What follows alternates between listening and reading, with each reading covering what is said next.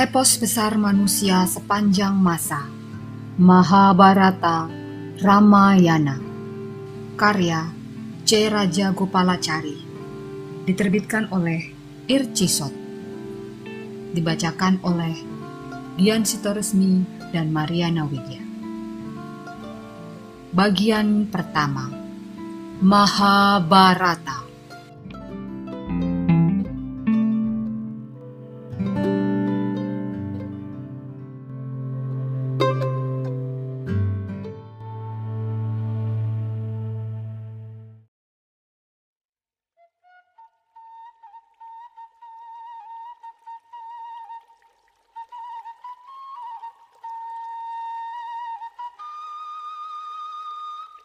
Bab 32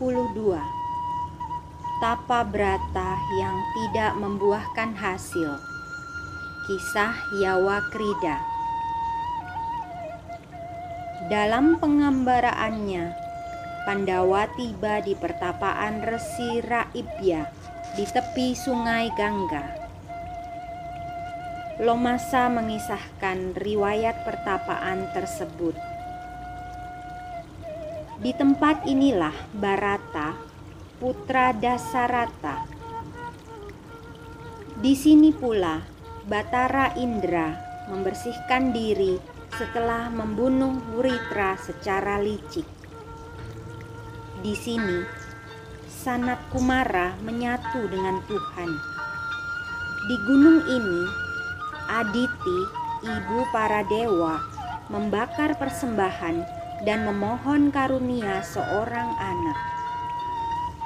Yudhistira, dakilah gunung suci ini, dan kemalangan yang memayungi hidupmu akan hilang. Dengan mandi air sungai ini, engkau akan dibersihkan dari amarah dan nafsu. Kemudian Lomasa menceritakan secara panjang lebar kesakralan tempat itu ia memulai ceritanya. Yawa Krida, putra seorang resi, menemui ajal di tempat ini. Dulu di tempat ini tinggallah dua Brahmana yang termasyur. Mereka adalah sahabat dekat. Raibya dan kedua putranya, para Wasu dan Arwawasu, mempelajari kitab-kitab Weda dengan sungguh-sungguh sehingga menjadi masyur. Barat wajah mencurahkan hidup sepenuhnya untuk memuja Tuhan. Ia mempunyai putra yang bernama Yawa Krida. Yawa Krida merasa iri dan benci melihat para Brahmana tidak menghargai ayahnya yang pertapa seperti mereka menghormati Raibya yang ahli kitab Weda. Yawakrida melakukan tapa brata yang keras untuk mendapatkan karunia dari Batara Indra. Ia menyiksa badannya dengan mati raga yang sangat berat. Melihat itu, Batara Indra menjadi iba. Ia mendatangi Yawakrida dan bertanya, mengapa ia menyiksa diri. Yawakrida menjawab, Aku ingin menjadi orang yang paling terpelajar dalam pengetahuan kitab Weda. Aku ingin menjadi mahaguru kitab Weda yang masyur. Aku lakukan mati raga yang sedemikian berat untuk mewujudkan keinginan itu. Butuh waktu yang sangat lama dan belajar yang sangat keras untuk bisa mempelajari kitab-kitab Weda dari seorang guru. Aku melakukan mati raga ini supaya bisa mendapatkan pengetahuan itu secara langsung tanpa perlu berguru. Berilah aku restu. Batara Indra tersenyum dan berkata, "Brahmana muda, cara yang kau tempuh keliru.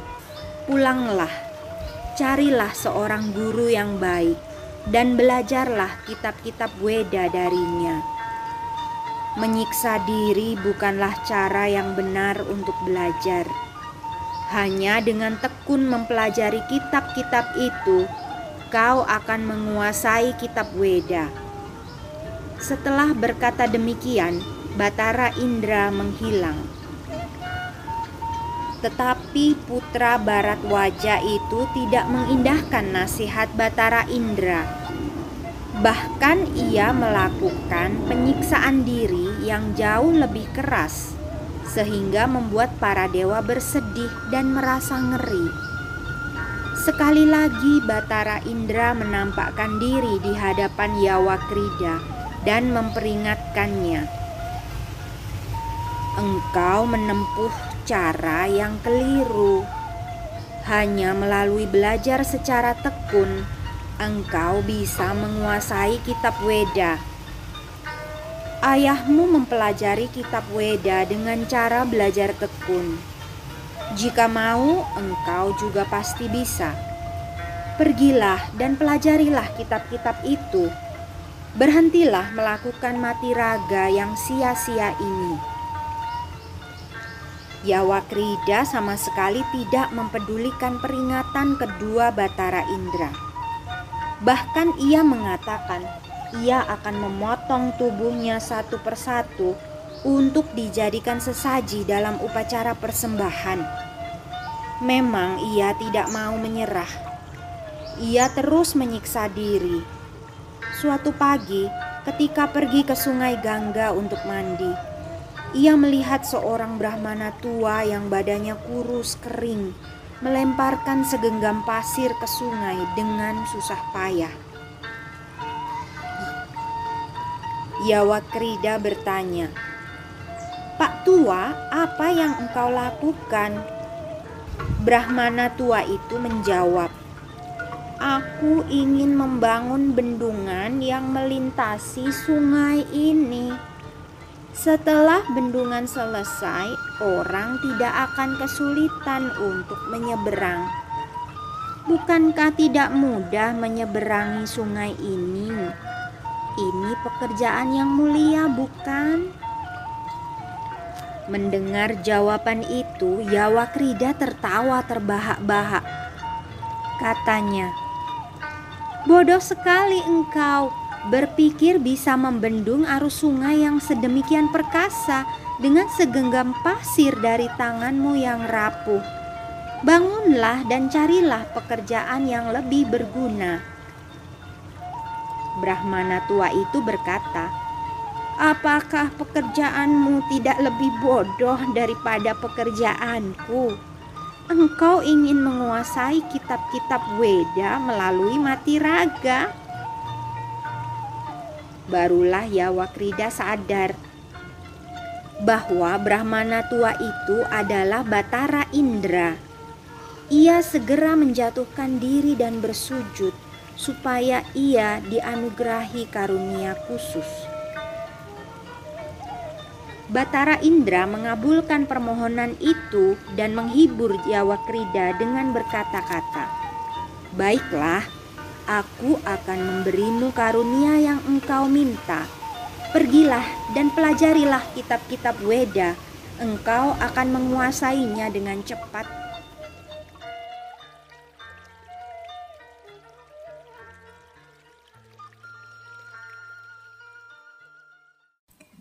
Dengarkan kisah selanjutnya di episode berikutnya.